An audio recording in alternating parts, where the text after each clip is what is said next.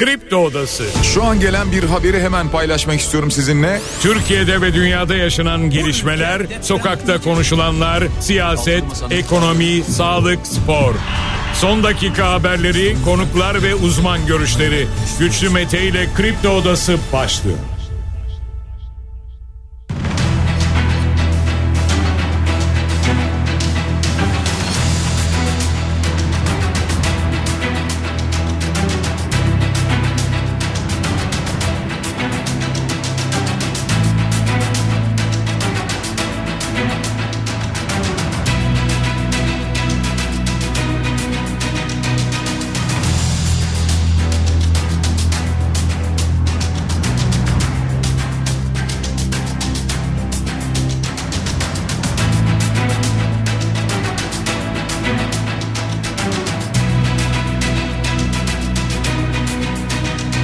Ocak Salı sabahından Kafa Radyo'dan Kripto Odası'ndan tüm Türkiye'ye yurt dışında bizi dinleyen dinleyicilerimize günaydın. Hepinize sağlıklı ve güzel bir gün dileyerek her sabah olduğu gibi programımıza başlıyoruz. Bugün de Kripto Odası'nda saat 10'a dek sizlerle birlikte olacağız. Gündemdeki başlıkları değerlendireceğiz. Sizler de görüşlerinizle, fikirlerinizle programa katılmak isterseniz Twitter üzerinden güçlü meta yazarak bana ulaşabilirsiniz. WhatsApp hattımızın numarası 0532 172 52 32. Hemen gündemdeki başlıklarla başlıyoruz. Yeni yıla bu şekilde başlıyoruz. Yeni yıla nasıl başladık? Zamlarla girildi. Köprü ve otoyollara, trafik cezalarına, değerli kağıtlara, at yarışı bahislerine zam geldi. Bir sigara grubuna zam haberi geldi aynı zamanda. Yeni yılla beraber hayatımızda ne gibi değişiklikler olacak, oluyor bunlara yer vereceğiz önümüzdeki dakikalarda. İstanbul Ticaret Odası'ndan bir açıklama geldi. İstanbul'un 2023 enflasyonu açıklandı. %74.88 olarak duyuruldu. Milli Piyango ikramiyesi tam bilete çıktı bu kez ve bunun Kolombiya'dan birine çıktığı iddiası ortaya atıldı. Birazdan bundan da bahsedeceğiz. Tunceli'de 4.2 büyüklüğünde, Hakkari'de 3.9 büyüklüğünde deprem meydana geldi. Olumsuz bir ihbar yok. Geçmiş olsun. Bu arada Japonya'da 7.6 büyüklüğünde bir deprem meydana geldi. Ardından artçıları da vardı. Sadece iki kişinin hayatını kaybettiği bilgisi paylaşıldı. İstanbul'daki Filistin yürüyüşünde tevhid bayrağı açan kişiye yumruk atan Ege Akersoy tutuklandı. Buna ilişkin şu anda sosyal medya üzerinde bir tartışma devam ediyor. Gazze'de can kaybı 21.978'e yükseldi sevgili dinleyiciler. Bu arada sabah saatlerinde daha doğrusu sabaha karşı Malatya'da meydana gelen bir trafik kazası vardı ki onun bilançosu yavaş yavaş netleşmeye başladı. 3 kişinin hayatını kaybettiği bilgisi geldi bu Malatya'daki kazadan sevgili dinleyiciler. Aynı zamanda 29 da yaralı var. Kamyonla otobüs çarpıştı. Suudi Arabistan Türk vatandaşlarının hacca gelmesini yasaklayacak iddiası vardı ki bu iddia Cumhurbaşkanlığı İletişim Başkanlığı tarafından yalanlandı.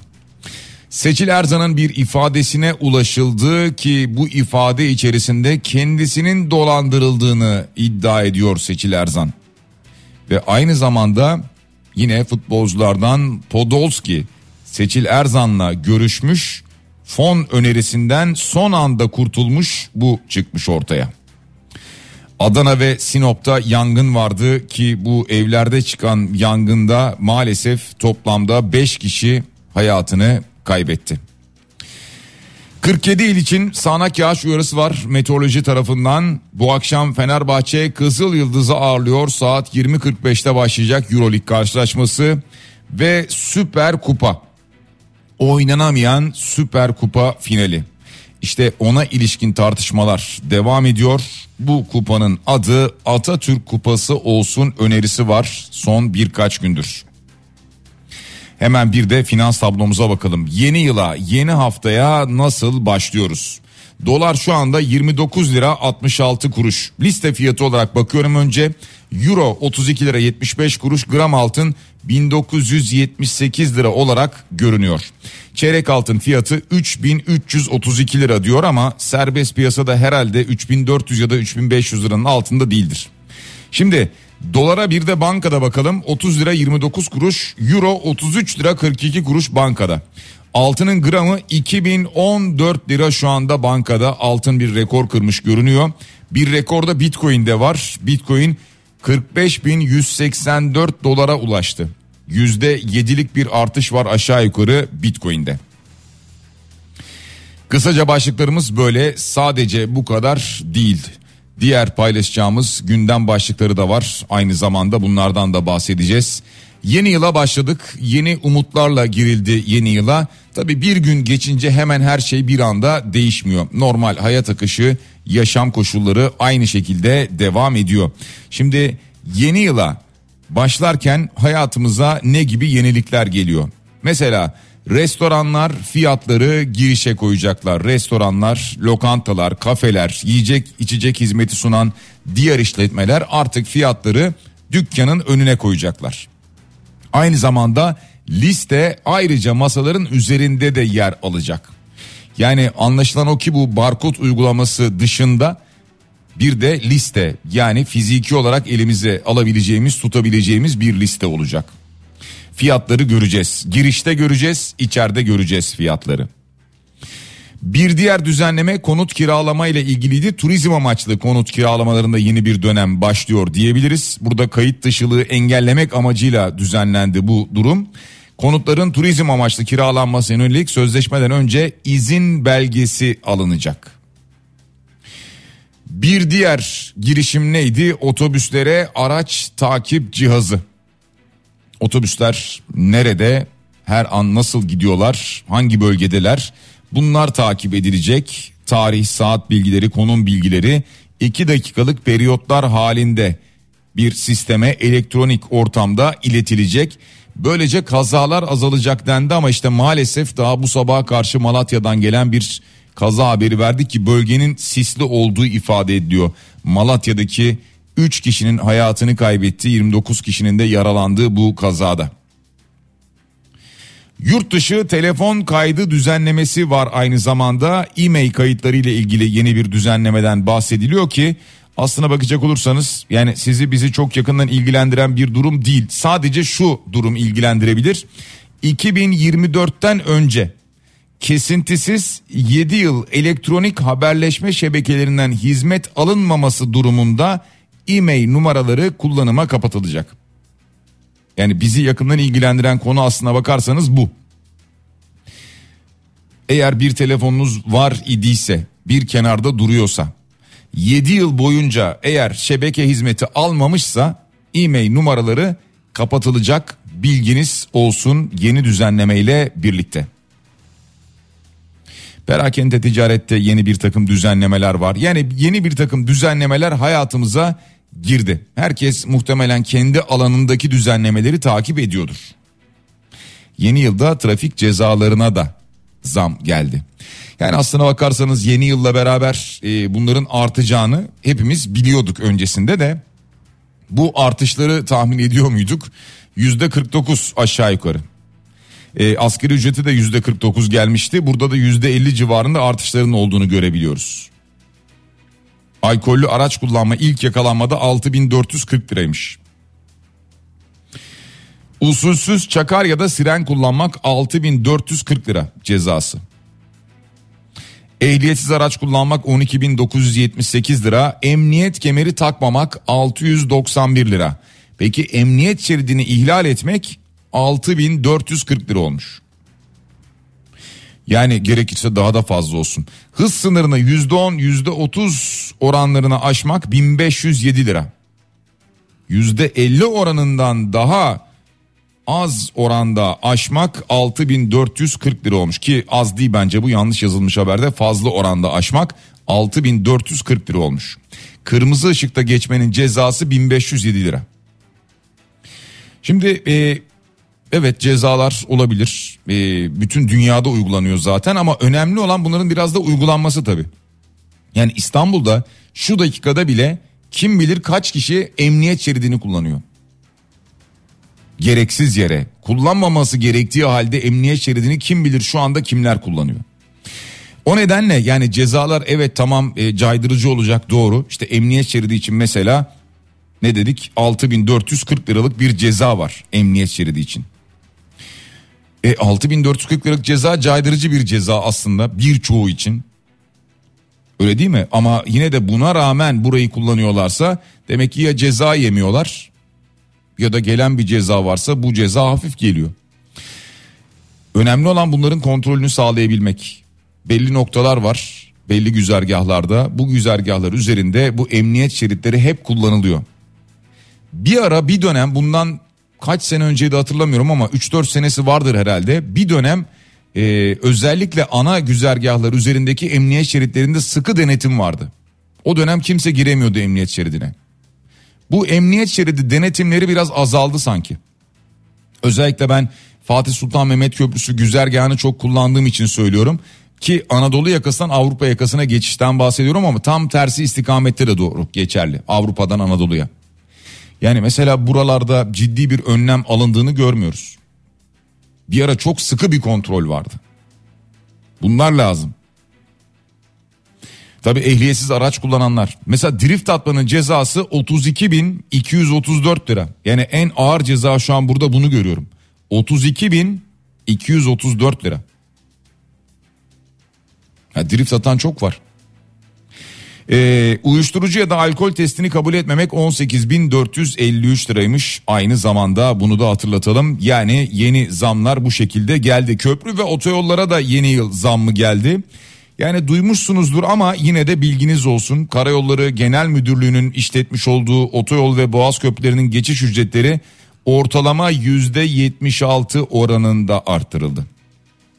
Yap işlet devletler var bir de biliyorsunuz. Özel şirketler tarafından işletiliyor bunlar. Bu otoyol ve köprülerin geçiş ücretlerindeki artış ortalama %50 civarında oldu.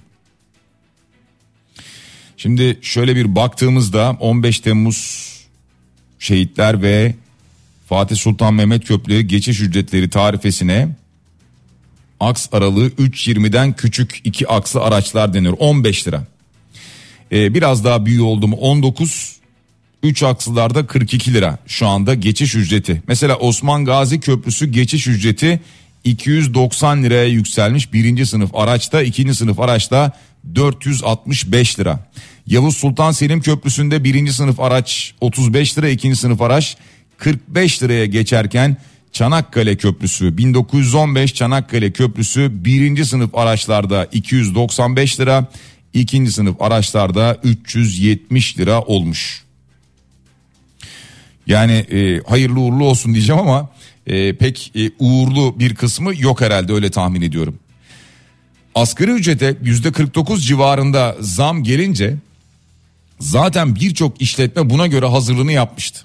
Hatta etiketler değiştirildi biliyorsunuz. Ürünlere, hizmetlere zam geldi. Neden? Çünkü diyor ki asgari ücrete yüzde 49 yani ortalama yuvarlayalım yüzde 50 zam geldi. E ben de o zaman demek ki sattığım ürünlerin fiyatlarını artıracağım diye düşünmeye başladı işletmeler. Veya bir ürün dışı hizmet sunuyorsa o hizmetin fiyatını arttıracak. Ki bunlar yapılmaya başlandı. Daha o zammı insanlar alamadan zamlı tarife uygulanmaya başlandı. E, peki o zaman asgari ücretlinin alacağı yüzde 49'luk zam şimdiden eridi diyebilir miyiz? Gelen bu zamlarla beraber hele cezalar değerli kağıtlar yani sadece cezalar değil biliyorsunuz geçtiğimiz hafta konuştuk. İşte e, pasaport ehliyet kimlik e, noterdeki çeşitli belgeler bunlara gelen zamları da konuştuk biliyorsunuz. Geçtiğimiz hafta paylaşmıştık. Şimdi e, bunlara bu kadar zam geldi. Memur ve memur emeklisine acaba nasıl bir artış gelecek diye herkes bunu konuşuyor. Ya bir ara asgari ücret konuşuyorduk şimdi bunu konuşuyoruz ee, Cumhurbaşkanı yardımcısı Cevdet Yılmaz bir şey söylemişti. Bunu hatırlarsınız herhalde. Diyordu ki yüzde elli civarında bir artış öngörüyoruz demişti daha öncesinde. Şimdi bu artış yüzde elli olur mu olmaz mı? Ee, enflasyon verilerine bakılıyor tabii bir yandan burada. Ee, ancak Aralık enflasyonu da şimdi açıklanacak. Aralık enflasyonu da açıklandıktan sonra netleşecek durum. Ee, %15 bir toplu sözleşme zammı memur ve memur emeklileri için olacak. Kasım sonu itibariyle aşağı yukarı %30'a yaklaşan bir zam oranı ortaya çıkmıştı. Yani toplamda %40'ı 45'i görecek olan bir oran e, olacak gibi görünüyor. Ama e, deniyor ki %50 yapılır. %50 yapıldığında e, zaten e, diğer ürünlere hizmetlere devletin e, hizmetlerine gelen zam arttığı için yükseldiği için veya bir artış olduğu için e, zaten bu şimdiden eridi gitti diyor herkes. Öyle değil mi? Yani şimdiden eridi gitti. Şimdi bundan sonra herkes enflasyonu bekleyecek. Enflasyon yarın açıklanacak. Yani Aralık ayı enflasyonu yarın açıklanacak. Yıllık enflasyon da ortaya çıkmış olacak. E, ve dolayısıyla yarın e, saat e, 10'da açıklanacak. Enflasyon verisi genelde 10'da açıklanıyor. E, açıklanacak ve ardından da memur ve memur emeklisinin de dolayısıyla alacağı zam oranı belli olmuş olacak.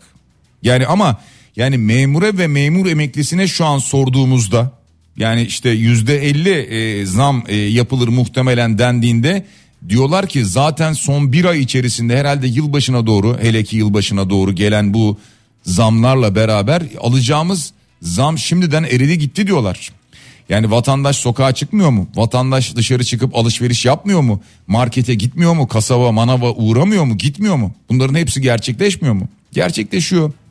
E gelen zamlarla beraber bunların hepsi eriyor gidiyor. Yani cebine ekstra kalabilen hiçbir şey yok zaten. Yani birikim yapabilen bir e, memur, memur emeklisi olduğunu tahmin edebiliyor musunuz? Bir işçi olduğunu tahmin edebiliyor musunuz? Yani eskiden insanlar e, işte emekli olduklarında e, aldıkları tazminat vesaire o güne kadar biriktirdikleriyle ne bileyim bir ev falan alırlarmış. Böyle bir şeyin imkanı var mı şu anda? Hele ki büyük şehirlerde. Böyle bir imkan var mı? Para biriktirebiliyor musunuz ev alabilmek için mesela? Veya e, almayı istediğiniz evi alabileceğiniz bir paranız var mı? İstanbul'da 2023 enflasyonu belli olmuş. İstanbul Ticaret Odası verilerine göre %74.88 yani %75 aşağı yukarı İstanbul'daki enflasyon. E size %49 zam yapılsa ne olur? Ki bu İTO verilerine göre. Yani mesela Enak'ta bir veri açıklasa İstanbul'daki e, yani enflasyon araştırma grubundan bahsediyorum. İstanbul'daki enflasyon ne çıkar acaba? Zaten bu verileri duymaya da ihtiyacımız yok aslına bakarsanız. Diyorum ya az önce anlattım. İşte sokağa çıktığımız anda kendi enflasyonumuzu kendimiz çok net görebiliyoruz yaşadığımız bölgede. İlle bir veri bizim önümüze konulmasına gerek yok. Bir sigara grubuna daha zam gelmiş sevgili dinleyiciler. Yani e, ben içmediğim için takip etmiyorum bilmiyorum ama e, 52 lira civarına çıkmış ortalaması öyle görüyorum ama 54 lira 55 lira 58 lira 60 lira olan e, bu ne ya bir tane de 115 lira olan e, bir ürünleri varmış mesela. Yani içmeyiniz tabii ki e, sağlıklı bir şey değil. Yani kimse sağlıklı olduğunu söylemiyor. E, zararlı olduğunu biliyoruz. Ama içenler var. Netice itibariyle e, bir gruba zam gelmiş. Yani sürekli zam haberleri veriyoruz farkındaysanız. Şimdi e, yılbaşını geçirdik. Yılbaşını geçirirken bir de milli piyango çekilişi vardı öyle değil mi? Milli piyango çekilişi bu kez tam bilete çıktı. Tam bilete çıktı 400 milyon liralık büyük ikramiye. Tam bilete çıktı da sonrasında CHP Genel Başkan Yardımcılarından Özgür Karabat bir iddiayı ortaya attı. Dedi ki büyük ikramiye Kolombiya'daki bir online bilete çıktı dedi. Yani bu biletler internet üzerinden de satın alınabiliyordu ya online olarak. İnternet üzerinden satın alınmış bir bilete çıktı dedi ve Kolombiya'da çıktı dedi. Şimdi bakın çok e, önemli bir iddia var ortada. Devlete borcunu ödemeyen Demirören'in ikramiyesi de şaibelidir diyor aynı zamanda. Şimdi şunlardan bahsediyor kısaca özetleyecek olursak. Diyor ki Şimdi başlangıçtaki kısmını geçelim. Doğan grubundan e, satın alınan e, medya şirketlerini, Demirören'in satın aldığı şirketleri, devletin kredisini e, ödemediğini anlatan bir bölüm var. Daha sonra gelelim kendisine milli piyango veriliyor diyor ve İtalyan grupla birlikte ortak oluyorlar diyor. E, ve daha sonrasında sıra geliyor bu çekilişe. Şimdi diyorlar ki büyük ikramiye Kolombiya'da online bilet alan talihliye çıktı. Sosyal medyada insanlar da elbet bunu sorguluyor biz de sorguluyoruz. Hele Kolombiya gibi kapalı ve karanlık ilişkilerin yürüdüğü bir ülkenin adının geçmesi çok ilginç diyor. Sonra Özgür Karabat şunları yazıyor. Kolombiya ne ile anılıyor? AKP'nin derin ilişkileriyle uyuşturucu trafiğinde Kolombiya önemli bir durak. Uyuşturucu yakalanan bazı gemiler ya Kolombiya'dan çıkıyor ya da oraya uğruyor.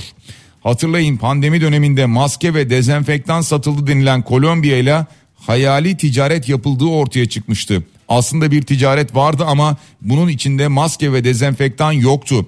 AKP'li Binali Yıldırım ve ailesinin de orada adı geçmişti. İnsanların bir yılbaşı keyfi vardı. AKP onu da yok etti. AKP'ye boşuna umut taciri demiyoruz. İnsanların yılbaşı umutlarını çaldı. Talih kuşu oldu tüpçünün kuşu diyor. Özgür Karabat CHP Genel Başkan Yardımcısı bunları yazıyor. Bu arada yani bu iddialara tabii bir cevap lazım. Yani gerçekten bu bilet e, Kolombiya'ya mı çıktı? Yani bu e, piyango Kolombiya'ya mı çıktı? E, bununla ilgili bir bilgi lazım, bir açıklama lazım. Bunu görmedim. E, dünden bu yana özellikle bekliyoruz. E, bir diğer konuysa çekilişlere 2 saat kala Milli Piyango internet sitesindeki servisler devre dışı kaldı. Üyeler giriş yapamadı. Yeni üye olmak isteyenler olamadı ve bilet alamadı bir yazı yayınladılar, bir duyu yayınladılar. Yeni yıl çekilişi coşkusunun getirdiği yoğunluk sebebiyle üye ol, giriş yap, şifre kurtarma, bakiye ödeme görüntüleme sayfalarımızda geçici süreyle gecikmeler yaşanabilmektedir. Tarayıcı işlem geçmişini ve çerezlerini temizleyip aralıklarla tekrar denemenizi rica ederiz. Teknik ekiplerimiz konu üzerine çalışmaktadırlar. Anlayışınız için teşekkür eder, mutlu yıllar dileriz diye bir açıklama geldi. Yani e, İnsanlar yaklaşık 2 saat kala zaten sisteme girip üye olup bilet bile alamamışlar. Yoğunluk sebebiyle deniyor. E bu yoğunluk bilinmeyen, beklenmeyen bir şey miydi acaba? Yani ilk defa mı oluyor böyle bir yoğunluk? Hani bazı siteler vardır e, anlaşılabilir. E, işte birisinin kendisinin bir şirket sitesi vardır. Şirket sitesine kaç kişi girecek bakacak? Kurumsal verilerine kaç kişi bakacak? Yani günde diyecek ki 3-5 kişi falan bakar. Oraya aynı anda mesela 5000 kişi girse evet e, site çökebilir mesela. E ama bu Milli Piyango'nun sitesi yani aynı anda birçok kişi girebilir. Hele ki yılbaşı gibi özel dönemlerde. Şimdi burada bir e, cevap gerekmiyor mu? Ee, peki bununla ilgili dinleyicilerimizden gelen mesajlar da var, şikayetler de var bir yandan bunları da görüyoruz ama e, bunun aydınlığa kavuşturulması şart.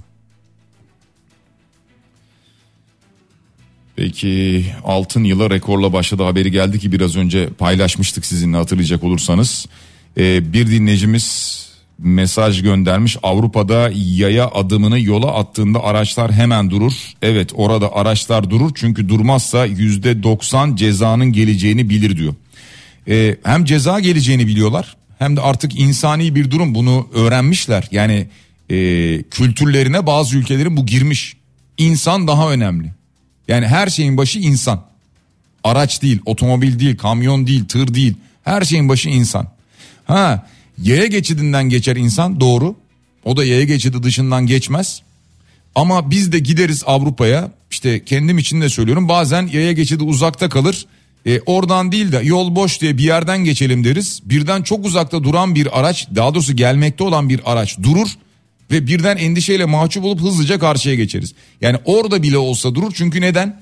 İnsan yanlış bir adım bile atmış olabilir ama her şeyin başı insan ve durur. Araçlar durur yani. Ee, devam ediyoruz. Deprem gerçeğiyle yine karşı karşıyayız. Öyle değil mi? Yani e, dün Tunceli'de 4.2 büyüklüğünde bir deprem meydana geldi.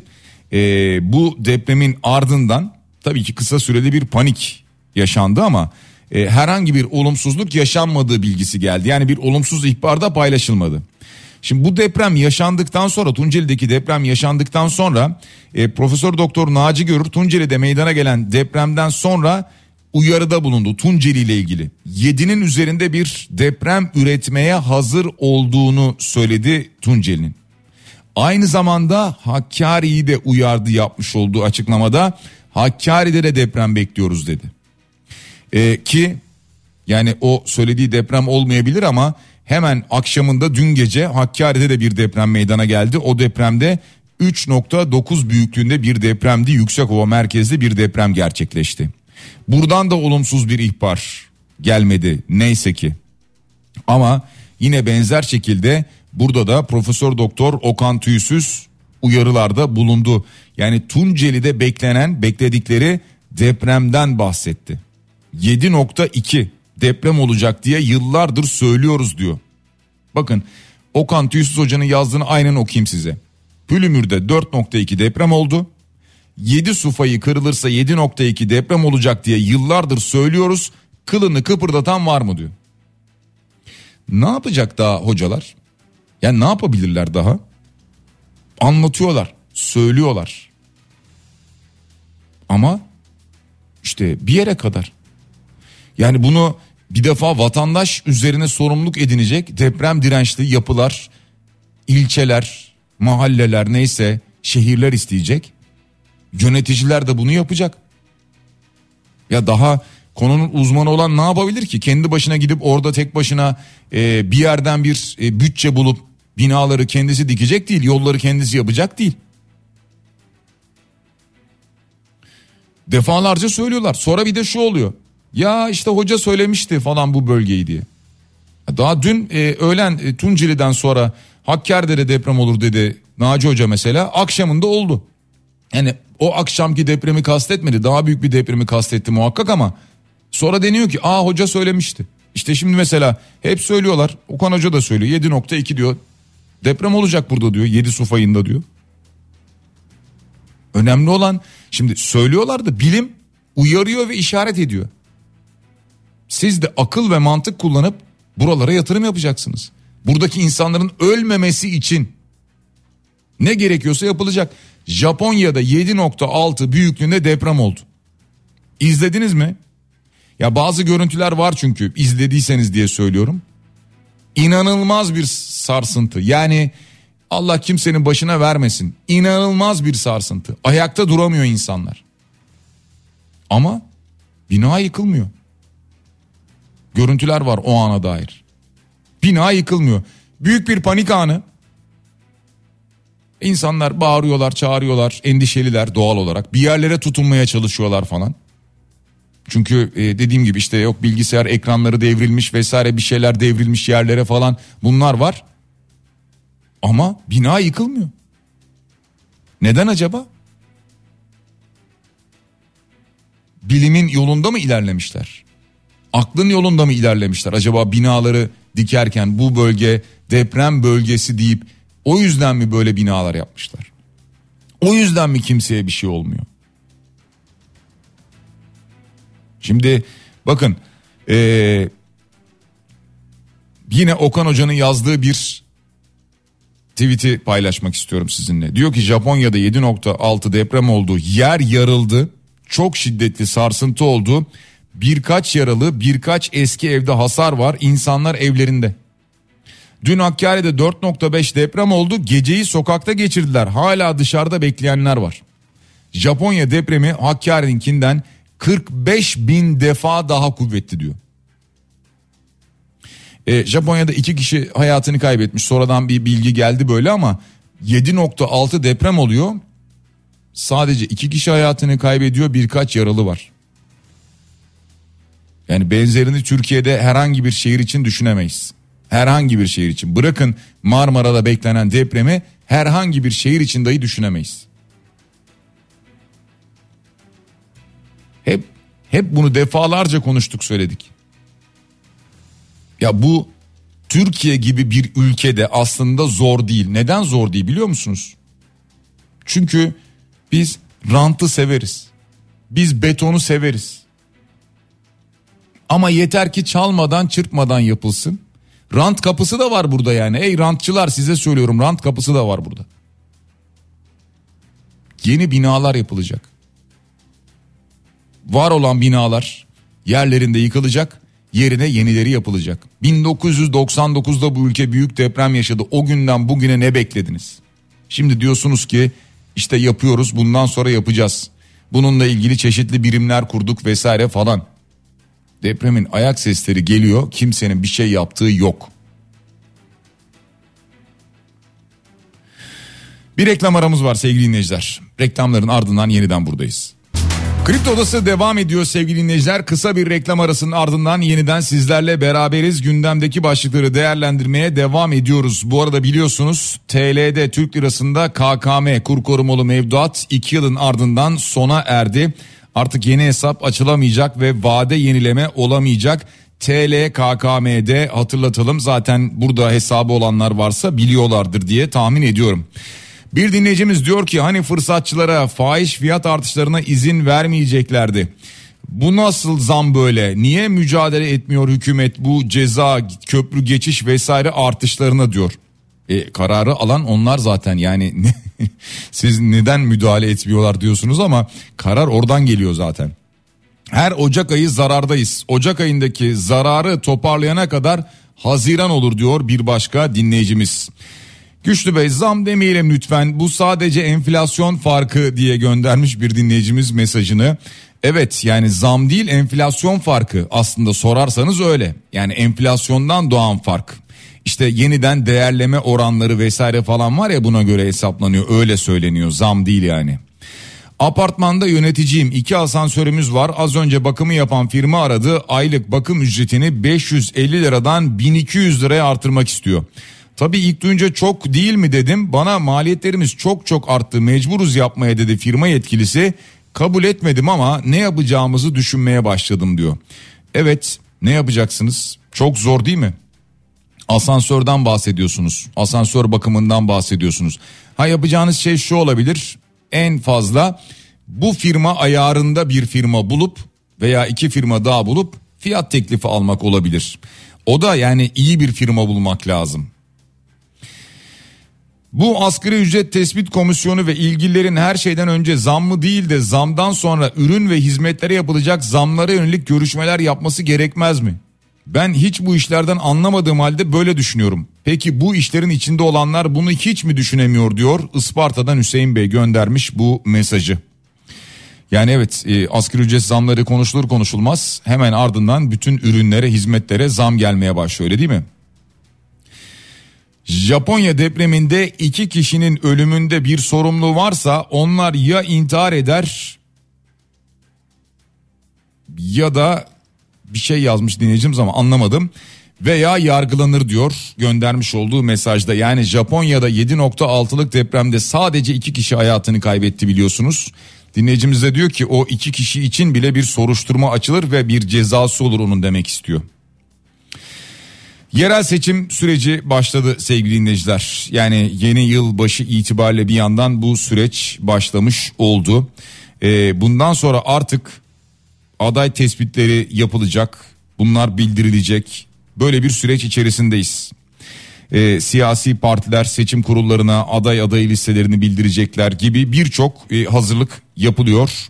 Geçici aday listeleri 23 Şubat tarihinde ilan edilecek ve 3 Mart tarihinde kesin aday listeleri ilan edilecek. Daha var yani bunu ama şu an tam anlamıyla bir seçim süreci içerisine girmiş durumdayız.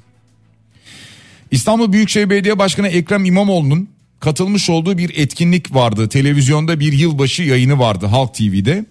Ki buradaki etkinlikte işte e, efendim Özgür Özel'le beraber katılmışlardı. Birlikte işte eğleniyorlar. E, sahnede alkış tutuyorlar nasıl olur da bizim şehitlerimiz varken bu yapılır diye eleştiriler olmuştu sosyal medyada. Hemen Murat Ongun'dan bir açıklama geldi. 15 Aralık'ta bunun çekimleri yapıldı dedi. Yani 22 Aralık'taki terör saldırısı ve milletçe kahrolduğumuz şehitlerimizin ardından yapılmış bir çekim söz konusu değildir diye bir açıklama yaptı. Yani dolayısıyla o e, artık yandaşlara mı trollere mi neyse böyle net bir cevap gitmiş oldu.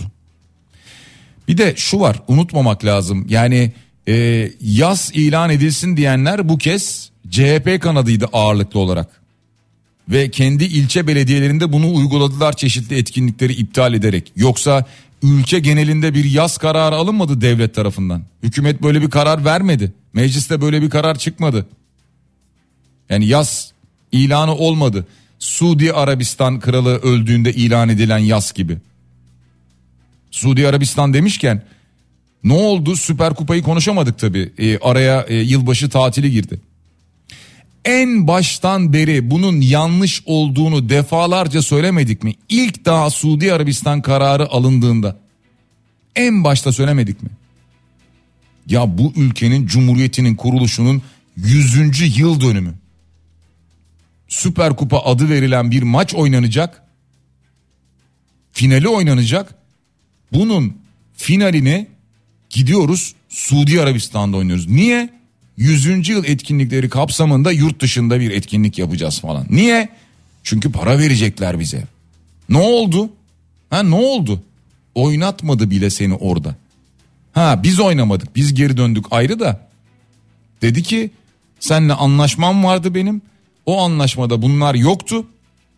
Sen Atatürk'ün sözleriyle çıkamazsın. Sen Atatürk görseliyle çıkamazsın dedi. O Suudi Arabistan ki çok konuştuk bunu yani e, 100. yılda üstelik Suudi Arabistan'da olacak iş mi ya? Türkiye Cumhuriyeti'nin iki takımı gidecek. Ha sözleşme gereği zorla falan gittiler anlaşılan o. Ama ne oldu? Bir rezillik, bir skandal daha yaşandı. O gün o kararı alan Fenerbahçe kulübüne, Galatasaray kulübüne teşekkür ediyoruz, tebrik ediyoruz.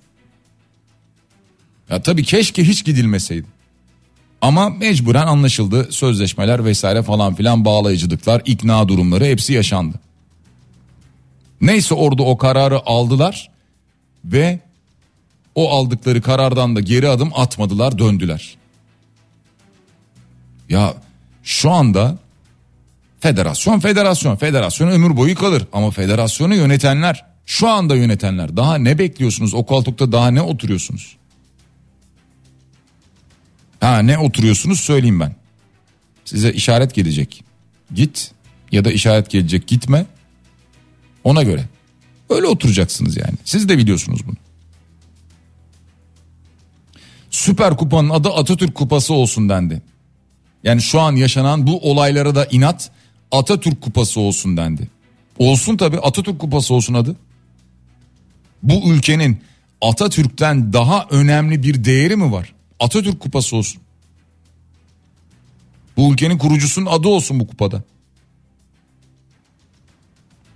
Zaten daha önceden bu kupa Cumhurbaşkanlığı kupasıydı. Öyle değil mi? Yanlış mı hatırlıyorum? Başbakanlık kupası vardı.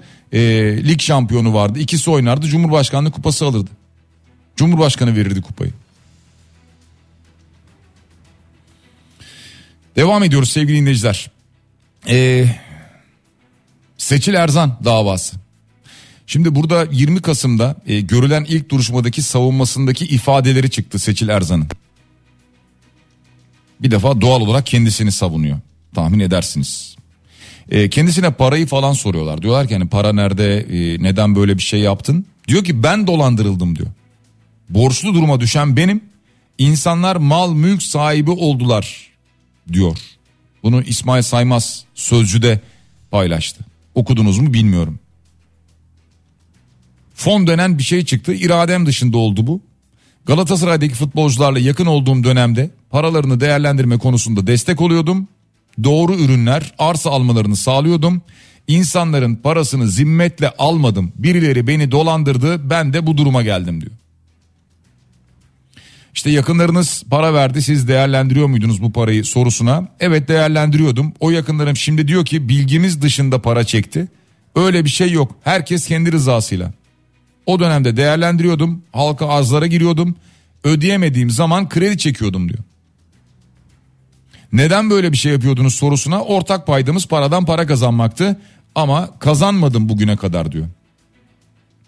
Sonra devam ediyor uzun uzun devam eden bir sorgu. Doğal olarak mahkeme başkanı soruyor.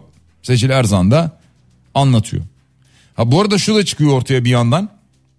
Podolski vardı ya Podolski. E, Podolski de o dönem Galatasaray'dayken o da gitmiş. Seçil Erzan'la bankada görüşmüş. Demiş ki o işe kafamı yormak istemiyorum demiş. Ve dolayısıyla para vermemiş. Yani anlaşılan o ki o dolandırılmaktan e, kıl payı kurtulmuş gibi görünüyor. Emre Belezoğlu Seçil Erzan'la bir kez yüz yüze görüştüm. Yatırım yapmadan tanımıyordum diyor. Yani daha önce herhangi bir şekilde görüşmediklerini bir araya gelmediklerini söylüyor anlaşılan o. Ya bilmiyoruz yani e, Seçil Erzan'a da sorulacak. E, mahkemede birçok konu konuşulacak gündeme gelecek. Daha yargılama çünkü bir yandan devam ediyor. Ama en baştan beri sorduğumuz soru. Birinci sırada dolandıran suçlu tabii ki. Birinci sırada dolandıran suçlu. İkinci sırada da neden bu parayı yasal yollarla bir yerde değerlendirmek yerine normal bir vatandaş gibi e, yasal yollarla parayı değerlendirmek, ne bileyim bankaya yatırmak, banka şubesine yatırmak, internet üzerinden online bankacılığı kullanmak veya bir e, borsada bir aracı kuruma parayı yatırmak, borsada değerlendirilmesini sağlamak, bir finansal kuruluşla ilerlemek yerine neden parayı gidip de daha fazla kar vaadiyle gidip elden birilerine verdiniz? Ya bir yandan da bu sorulacak doğal olarak. Bu para nereden gelen bir paraydı denince diyorlar ki kazandığımız bir paraydı. Yani kazanılan para hep evde bir köşede mi duruyordu bu milyon dolarlar? Hiç mi bankada falan durmuyordu diye de insan düşünmeden edemiyor. Neyse ortada büyük bir e, dolandırıcılık olayı var ama kimse sesini çok yüksek çıkaramıyor şu anda. Çünkü yüksek ses çıkarırlarsa kendileriyle ilgili başka sorunlar da muhtemelen ortaya çıkacak. Milli Eğitim Bakanı Yusuf Tekin biliyorsunuz bir ara cemaatlerle ilgili protokol yapmaya devam edeceğiz dedi. Böyle bir açıklama yaptı. Tarikat cemaat diyorsunuz biz STK diyoruz demişti. Sivil toplum kuruluşu diyoruz demişti. Daha sonra Kanal 7'de çıktı bir açıklama yaptı. Dedi ki bir kere hukuk devletinde yaşıyoruz. Biz Milli Eğitim Bakanlığı olarak kiminle protokol yapabiliriz? Benim protokol yapabilmem için karşımda gerçek biri olmalı. Herhangi bir cemaatle protokol imzalamamız söz konusu değil dedi. Yani Yusuf Tekin şu açıklamalarından dolayı aslında herhangi bir ülkede daha önceki açıklamalarından dolayı öyle söyleyelim görevden alınırdı veya kendisi istifa ederdi. İstifaya çağıran birçok sivil toplum kuruluşu oldu aynı zamanda. Ardından da şimdi anlaşılan o ki bunun yerine geri adım atmaya karar vermiş. E, ve dolayısıyla herhangi bir cemaatle protokol imzalamamız söz konusu değil diye bir açıklama yapmış. Şimdi İstanbul'da bir yürüyüş düzenlendi. O da Gazze için. Yani Filistin'de hayatını kaybedenler için, Filistinler için e, ve aynı zamanda e, İsrail'in uyguladığı vahşet için bir yürüyüş düzenlendi. Ee, burada konuşma yapan kişi Bilal Erdoğan'dı. Şehitlerimizi rahmetle anmak, İsrail'i lanetlemek için buradayız diye bir açıklama yaptı. İki saat süren bir eylemdi bu eylem.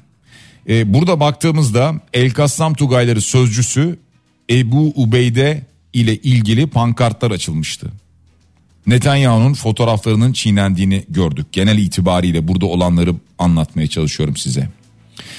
Ee, Ebu Ubeyde kostümlü birçok kişi vardı veya genç vardı. Fotoğrafları var çünkü.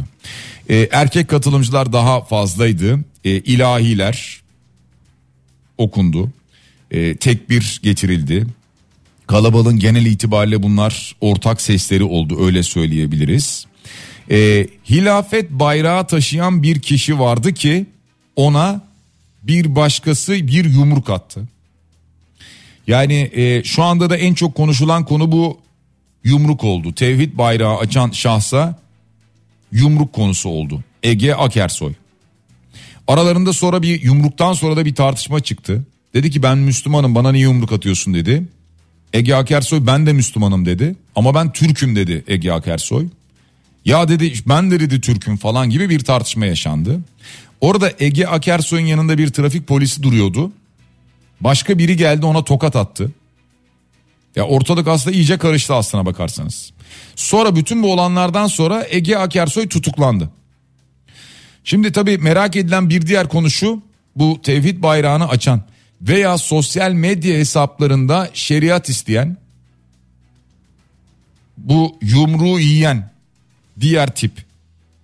Acaba o tutuklanmayacak mı? Veya onunla ilgili bir soruşturma açıklan e, açılmayacak mı? İşte TCK 309 bugün herkes konuşuyor. Veya e, trafik polisinin yanına aldığı Ege Akersoy'a gelip tokat atan şahısla ilgili bir işlem yapılmayacak mı? Sosyal medya bir yandan şu anda bunu konuşuyor.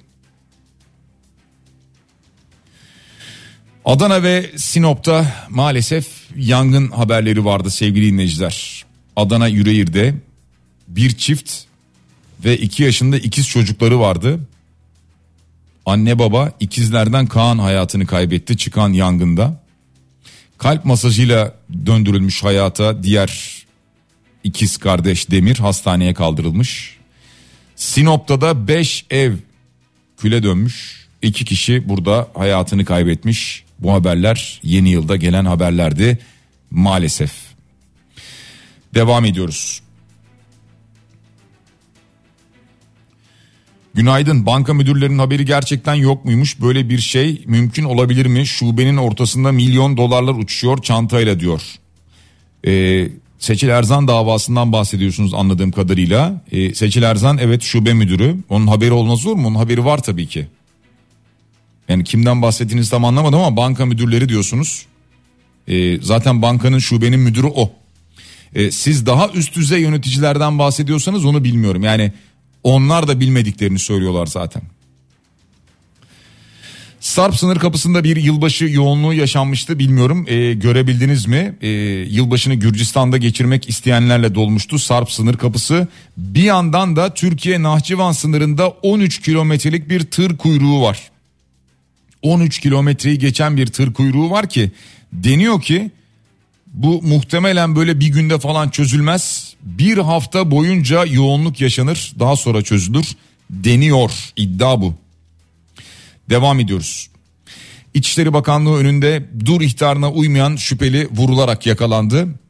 Bunu da İçişleri Bakanı Ali Yerlikaya duyurdu. Üzerinde sırt çantasıyla beraber oraya doğru koşan ve şüpheli hareketlerde bulunan şahsa dur diyor polis. Şahıs durmuyor. Bunun üzerine ateş ediliyor.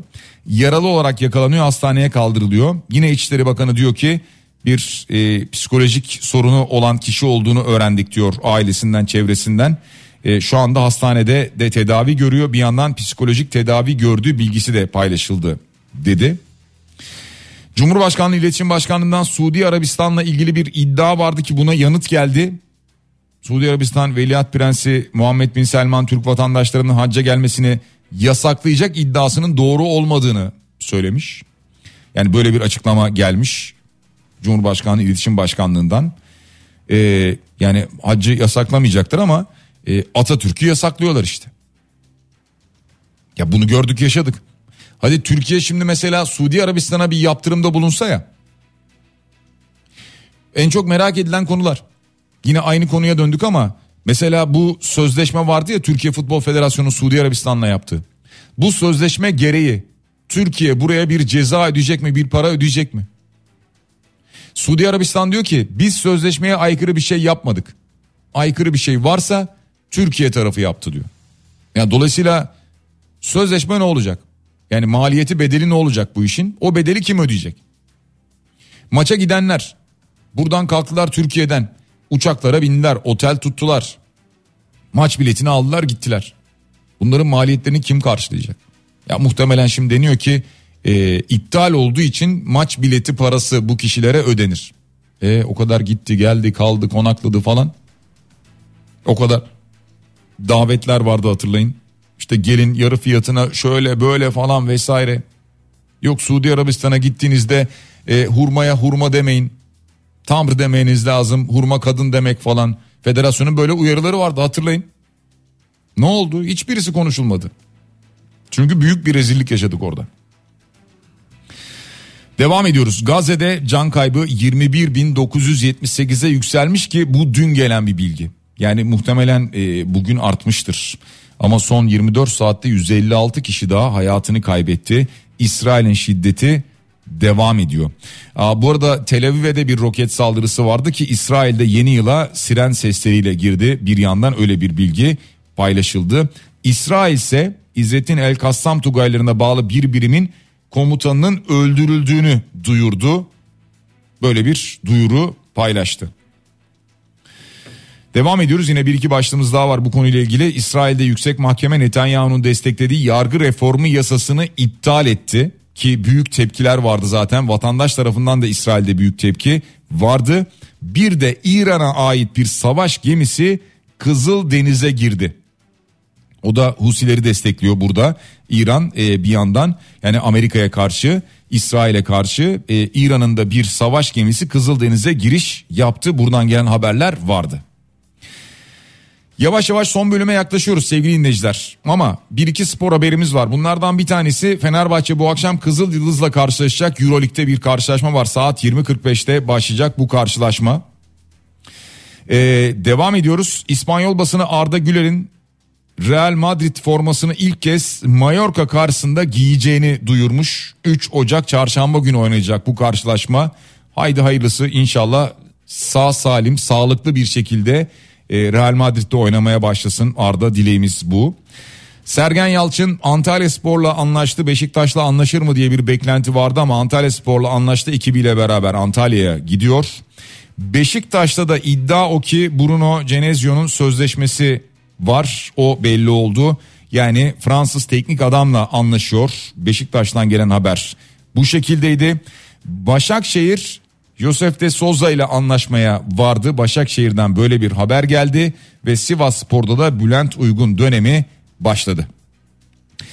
Programın sonuna geliyoruz sevgili dinleyiciler. Mümkün olduğunca tüm başlıkları paylaşmaya gayret ettik. Bugün tarih 2 Ocağı gösteriyor. 2 Ocak tarihinde doğmuştu Barış Manço. Çok severiz, çok sayarız. Her programımızda neredeyse radyomuzda her gün çaldığımız değer verdiğimiz önemli isimlerden sanatçılardan birisidir Barış Manço. Hiç unutmadık, unutmayacağız. Barış Manço ile veda ediyoruz sizlere. Masada Cenk'ere teşekkür ederek biraz sonra hatırlatıyoruz. Bediye Ceylan Güzelce Güzel Şeyler programında sizlerle birlikte olacak. Şimdilik hoşçakalın. Güzel sevmeyene adam